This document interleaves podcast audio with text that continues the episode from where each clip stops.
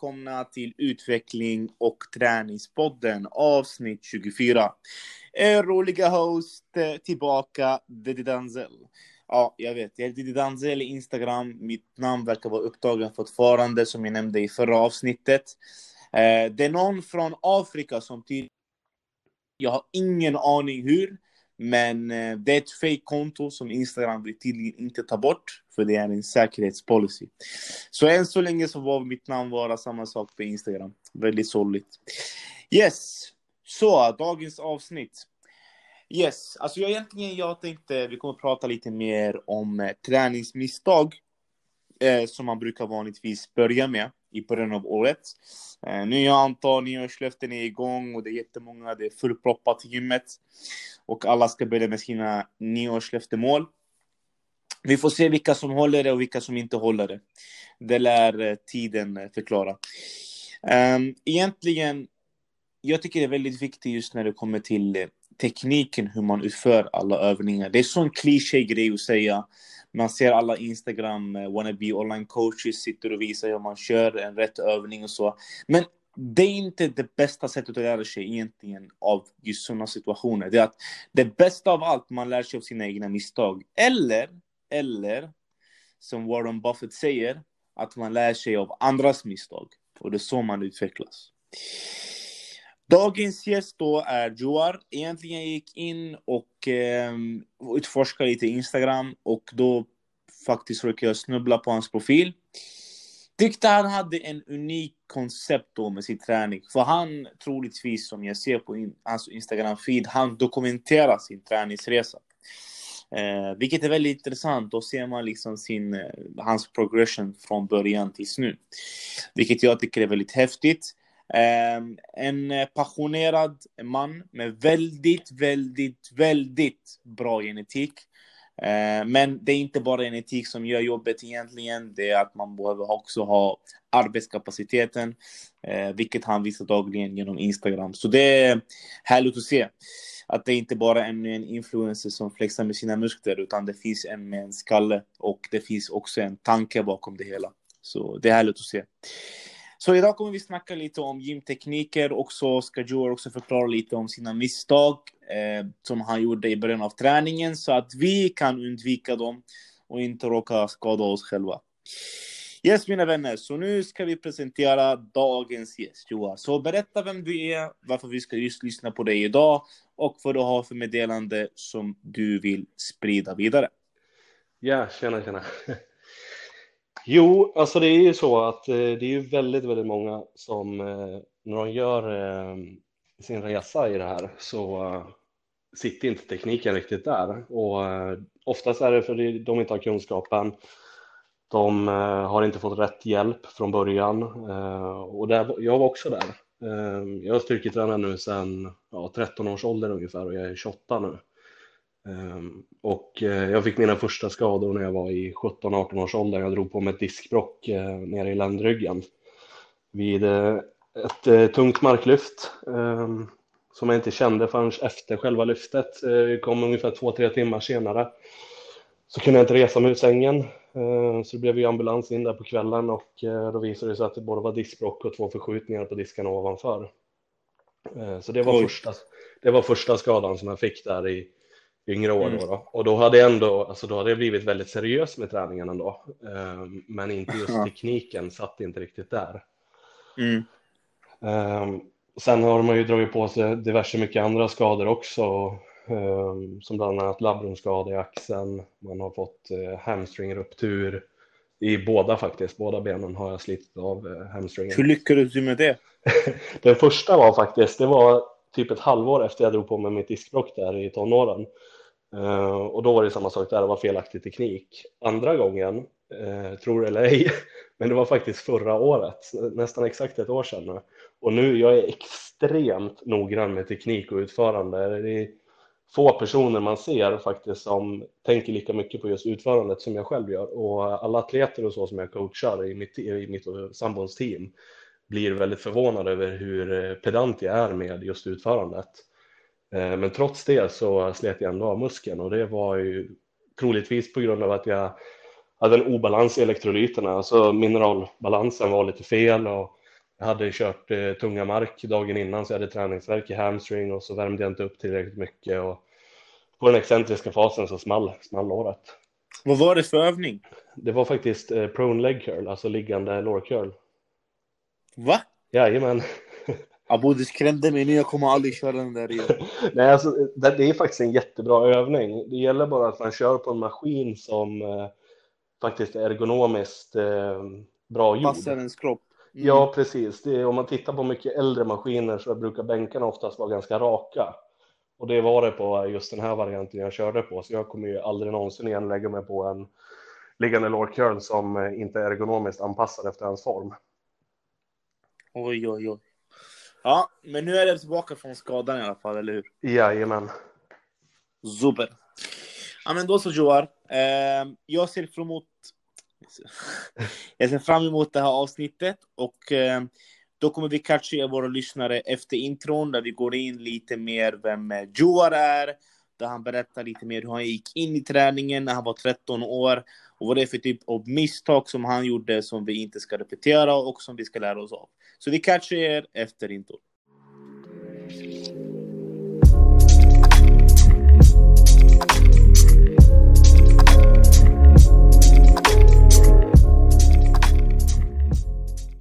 Så mina vänner, nu är vi tillbaka med Joar. Yes, så berätta lite Joar, vem är du då egentligen? Hur kom du in i träningen? Vad fick dig ens att börja träna? Vad var det som lockade dig till att börja träna?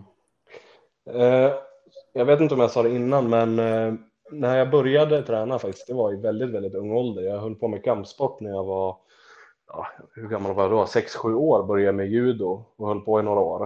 Uh, sen var det en liten period där med karate, och testat boxning och Eh, jujutsu och massa olika kampsporter.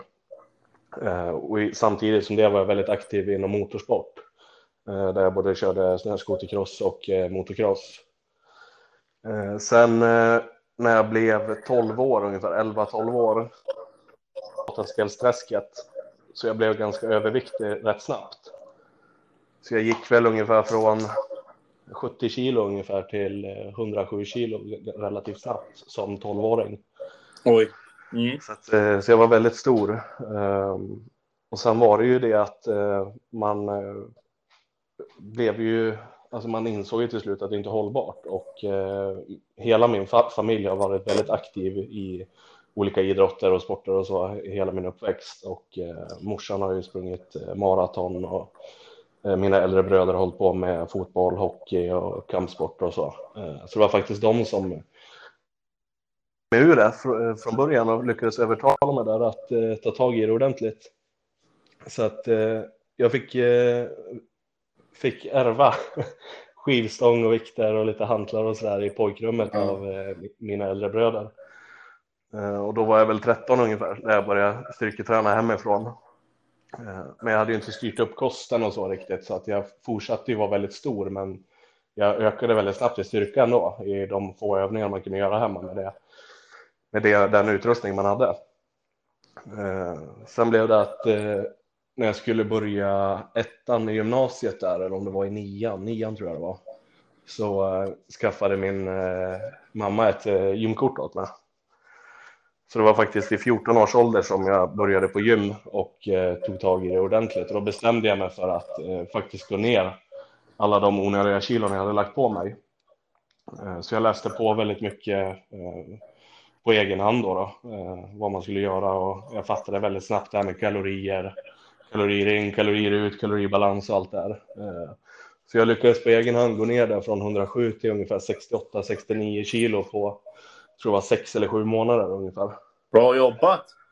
Ja, det var... Det var ultra starvation mode där. Ja, det var verkligen eh, ordentlig första resa där.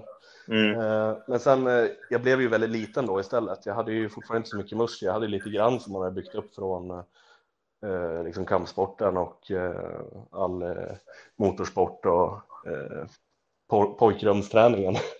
Mm. Ja.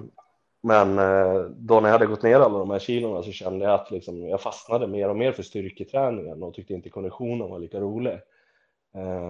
Men självklart så visste ju liksom att det behövdes bli gjort också. Så jag kombinerade det och eh, la på mig kilo efter kilo och såg att kroppen svarade väldigt, väldigt snabbt på styrketräningen och att jag hade väldigt bra gener för det. Eh, ökade väldigt snabbt i bänkpress var ju ja, typiskt pojkgrej att man ska tävla med klasskamraterna. Ja. så att eh, redan i ettan i gymnasiet på, så bänkade jag 110 kilo. Jag tror jag gjorde tre reps, två eller tre reps i ettan där. Oj, oj, oj. Och jag vet inte, man är väl 15 tror jag. 15 är man väl i ettan. 16 är det va? 16 kanske, ja 15, 16 där. Så ja. jag fyller år på ja, hösten. Ja, just det. Mm. Ja, men i alla fall så jag märkte ju väldigt snabbt att jag ökade väldigt snabbt i styrka och jag såg i spegeln liksom att det hände väldigt mycket. Uh, och i takt med att uh, jag fastnade mer för styrketräning så läste jag på mer. Uh, och fastnade väldigt mycket för inom alltså, anatomi, ergonomi och nutrition.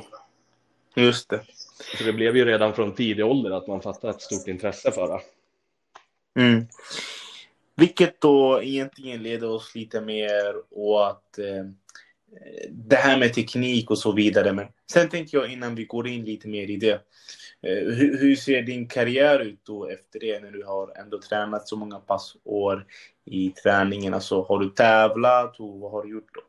Ja, jajamän, det har faktiskt eh, gått väldigt bra. Jag gjorde min eh, debut i Classic Bodybuilding 2015.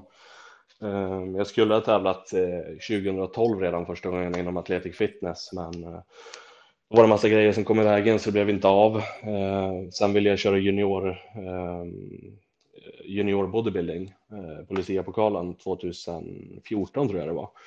Eh, och då hade jag flyttat ner till Jönköping eh, från Östersund, Jämtland, uppvuxen där. Men jag flyttade ner till Jönköping och så träffade jag min dåvarande coach Anders Lundgren som såg extremt stor potential hos mig redan från start och sa det att strunta i junior, eller juniorbyggningen utan ta ytterligare ett halvår, åtta månader längre off season och satsa på SM direkt i Classic Bodybuilding som senior nästa år. Jaså? Jag, ja, jajamän, så jag kände liksom redan där och då bara, men shit så bra är jag väl inte, jag kan inte ställa upp i SM det första jag gör liksom. Um, och på den tiden så gick det ju någonting som heter SM-kvalet. Uh, nu är det ju så att kör man någon tävling innan så kvalar man inte SM, men på den tiden kunde man köra SM-kval också. Och den gick tre veckor innan SM och den, uh, den tävlingen vann jag. Jag fick guld där och fick raka domarrättor, det bästa man kan få då. då. Uh, så det var ju eh, en ordentlig kickstart där. Sen tre veckor senare så som 23-åring plockade jag SM-silver, eh, yngst på scen. Eh, och strax efter det så märkte man ju faktiskt att jag hade väldigt stor potential med, med sporten. Så 2016 körde jag SM igen, kvalade till Nordiska mästerskapen, eh, tog silver där, kvalade till Europamästerskapen 2017 där jag kom trea på EM. Mm -hmm. Och sen efter det tog jag ett års off-season och gick upp till eh, bodybuilding, då, då lätt tungvikt. Eh, tog silver på SM och fick kval till nordiska. Och så vann jag, eh, tog jag eh, NM-guld då, då nordisk, eh, nordisk mästare. Grattis! tack, tack. Ja, men det är bra. Då är jag med. Alltså helt ärligt, just när det kommer till tävling och sånt inom träning det krävs ändå en hel del disciplin och det krävs tålamod och det krävs jättemånga sacrifices. Det, ja, verkligen. Det, det, det, är väldigt eh, mycket som eh, spelar roll om man ska tävla. Så det är till exempel bara relationer och så. Så har man en mm. partner som inte förstår sig på sporten, då är det ganska kört direkt. Då är det kört. ja. ja. Vilket leder oss i ämnet då lite mer specifikt vad du tycker egentligen som du har lärt dig av resans gång då när man snackar misstag som du ville prata lite mer i början om? Jag skulle nog faktiskt säga när det kommer till kosten så kan jag faktiskt inte hitta några riktiga misstag som jag själv har gjort för jag fastnade väldigt snabbt redan som 14-åring där när jag började läsa på mer och mer så jag förstod nutritionen väldigt snabbt. Eh, så där eh, börjar man liksom utveckla en stor kunskap redan från start. Så just kostmässigt skulle jag inte säga att jag har eh, råkat på några misstag så om man inte bortser från just tävlingar och så där, tumning och laddning första gångerna. Eh, men när det kommer till just träningen, det är ju där folk, ehm, ja, Det är ju där problemen oftast dyker upp. Och det är ju i form av skador. Eh, och det är fel utförande. Det är, jag skulle nog säga att 80-90 procent av de flesta motionärer på gym, de eh, tränar fel. De gör fel utförande.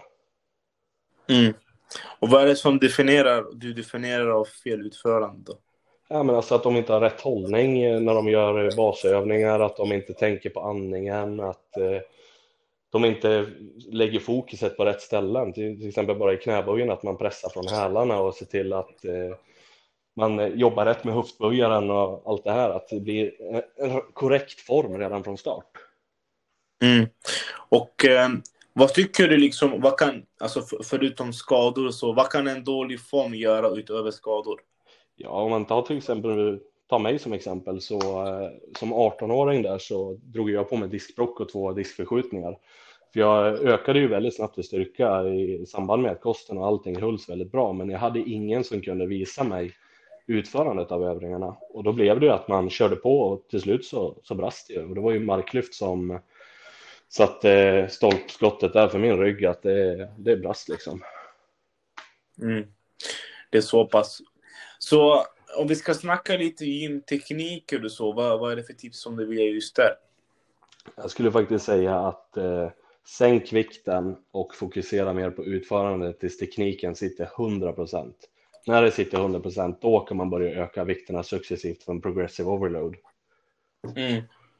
För fortsätter man att träna fel så kommer skadorna komma och de flesta övningar man ser det är just marklyft, knäböj och bänkpress. Det är de basövningarna som man ser folk gör fel. Och tar man till exempel bara bänkpress, hur man håller armbågarna, alltså att man pressar mer med axlarna än med brösten. Och då kommer ju det komma skador på AC-leden, bicepsfästet, eh, rotatorkuffen. Det är så mycket som kan ta skada i axlarna, för det är inte så stor, stora muskelgrupper. Nej. Då är jag med. För att jag märker helt ärligt, det så här när vi ska köra bänkpress eller hantelpress eller det kommer in lite mycket med det som kallas egolifting, vilket jag antar du vet vad det är. Men just när man kommer in nu i början av året med gym och sånt här, och man kommer in med egolifting, tror du att det kan påverka hur liksom sina resultat ser ut också? Definitivt, definitivt. Alltså det är, man kan bara ta som exempel, jag och min eh, fästmö och sambo Sara, vi driver ju team tillsammans eh, inom kroppsbyggning där vi coachar folk mot tävling och eh, det är många av de här atleterna som har tränat i många år innan de har kommit till oss och vissa av dem har tävlat innan också. Men eh, jag är ju så extremt pedantisk i utförandet så när de börjar hos mig så ser de så pass snabb utveckling just för att de gör rätt redan från start med, med hjälp av mig. Då, då. Eh, och där är det framför allt just bänkpressen som man ser på de flesta killarna. De har ont i axlarna innan de kommer till mig, de lär sig tekniken, sen axelsmärtan försvinner och brösten utvecklas ännu mer. Mm. Och då är det, det viktigaste av allt att man sänker vikten och därav fokuserar mest på tekniken till en början. Sen när man känner att man har fått in tekniken så kommer man sakta men säkert bygga upp eh, sin styrka då. Ja, exakt, exakt. Mm. Men vi säger nu vi tar the average Joe som börjar nu i gymmet och ja. har ingen aning hur man ska köra alla övningar. Vad ska man göra då? Jag skulle nog säga att hålla sig till eh, maskinövningar, alltså sätta sig i maskinerna tills man faktiskt kan eh, kanske ta hjälp av en PT som är duktig inom det han gör. För det är också värt att säga, det är väldigt många PTs i Sverige just nu som inte har så mycket kunskap som man kanske tror. En vanlig Svensson går till gymmet och tar ett PT-pass för att de tänker att han är utbildad, men de här utbildningarna, det ger inte så mycket. Det kan vara allt från två dagars kurs, intensiv PT-utbildning till två, tre veckor. Sen finns, mm, det, sen finns det ju såklart de som har hög, högskoleutbildning eller som har extremt lång erfarenhet och då är det, då är det ganska så rejält mycket bättre. Ja, så du rekommenderar liksom att man ska kolla liksom efter någon PT. Så länge så ska man bara hålla sig till maskiner. Precis. Om man inte är mm. så att man är extremt snabblärd och har någon kompis som är väldigt duktig som kan hjälpa. Mm. Mm. Vilka, vad är de vanliga misstagen du ser i gymmet då? De vanligaste? De vanligaste är nog att man ser folk, eh, de kör en övning, eh, men de kopplar in helt fel muskelgrupper. Som till exempel? Ja, men man har till exempel eh, triceps.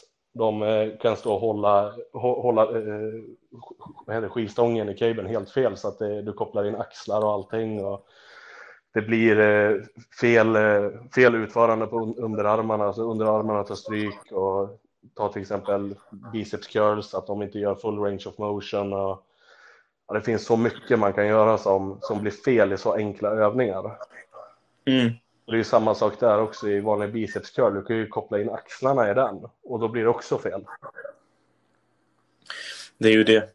Och med tanke på att man ändå kör en full range of motion, då måste man ändå tänka på armbågen, att den inte viftar upp samtidigt, eller hur? Exakt, man får tänka lite. Kör man biceps så får man ändå tänka att eh, kontrahera sin antagonist, alltså att man spänner triceps då som antagonist i biceps. För då blir det, alltså, gör en full flexion i armbågsleden, då kommer du ha gjort en full range of motion, för du kan inte få ut den mer. Nej. Okej, okay. men det är väl bra tips det där, absolut.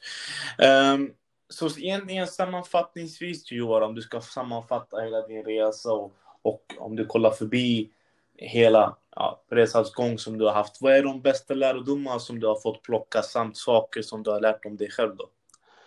Eh, när det kommer till just träningen i sig så uh, var inte så viktkåt och försök inte att fastna i grupptryck bland polarna på gymmet om vem som lyfter mest. Och det spelar ingen roll om du lyfter 160 kilo i bänk och du har fel utförande.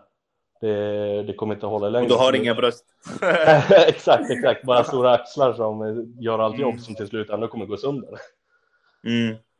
Samma sak med allt man ser, eh, allt stylande när de lyfter rumpan från bänken och ja, det är så mycket fel, fel många gör som man ser och så säger de att det är ett godkänt lyft. Ett godkänt lyft för mig, det är liksom godkänt på tävling i styrkelyft. Det är ett godkänt eh, bänkmax. Mm. Ganska strikt med, med det. Ja, och lärodomar som du har lärt dig om dig själv då? Ja, um, det är samma sak där att man eh, kanske inte skulle ha varit så viktkåt när man var yngre. och eh, haft rätt utförande redan från start. Men det var ju svårt för mig för det är uppvuxen i en ganska liten stad och det fanns inte så många som var engagerade i, i gymmet på den tiden. Eh, det var väl några äldre veteraner liksom inom styrkelyft och sådär som började hjälpa en sen när man var 18-19.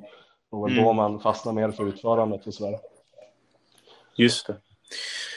Ja, men det är bra, för jag tycker den gamla eran när man började då träna, alltså de här old school gymmen, de fokuserade jättemycket på tekniken och allting ska vara rätt. Men nu känner jag när man har börjat komma in i de här traditionella gymmen, då är inte så mycket fokus där för att folk går där mer för att kunna knäppa sina Instagram-selfies och visa att de är i gymmet.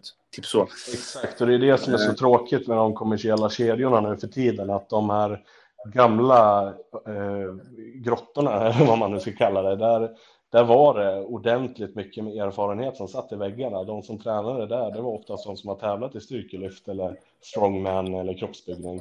Och där har flera års erfarenhet inom eh, rätt utförande. Och när man kommer mm. till de kommersiella gymmen så det är liksom ja, en vanlig svensson går dit och de gör fel utförande redan från start. De andra ser och tänker, ja men han är stark, jag måste ju ta efter han. Och så blir det, blir en ond cirkel. Ja, exakt. Det blir bara fler, fler och fler som gör fel. Mm. Ja, men jag håller med. Jag hoppas eh, våra lyssnare kan ta tips till det här och börja verkligen se liksom, sin teknik och samt kanske filma sig själv ibland om man inte har någon man tränar med och kanske se sin teknik, hur den ser ut egentligen. Eh, samt sänka ner vikten och ta bort egot. För det, om man ska satsa på muskelbyggnad, det är inte vikten som räknas utan det är som eh, Joar säger, det är full range of motion som är en av de viktigaste sakerna, plus tekniken och därefter kommer progressive overload. Eh, så det kan vara värt att eh, tänka på det. Eh, jag vill tacka dig Joar för att du har varit med i vår podd. Det har varit en ära att kunna ha med dig. Eh, med någon med en sån prestige, som jag brukar säga. um, och eh, jag ser fram emot några fler avsnitt i det här året, så vi får hålla tummarna hur det ser ut med din tillgänglighet lite längre fram. Självklart.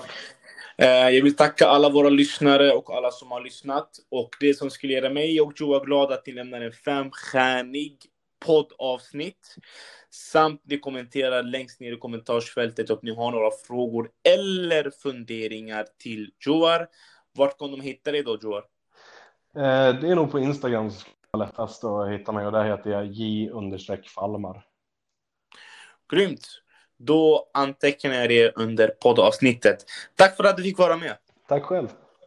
Grymt. Tack hörni. Tack för att ni lyssnade på dessa 30 minuter. Är det några feedbacks så är det bara att skriva till mig via Instagram, at bodyselection eller Danzel. Ha det så bra mina vänner. Ta hand om er. hejdå!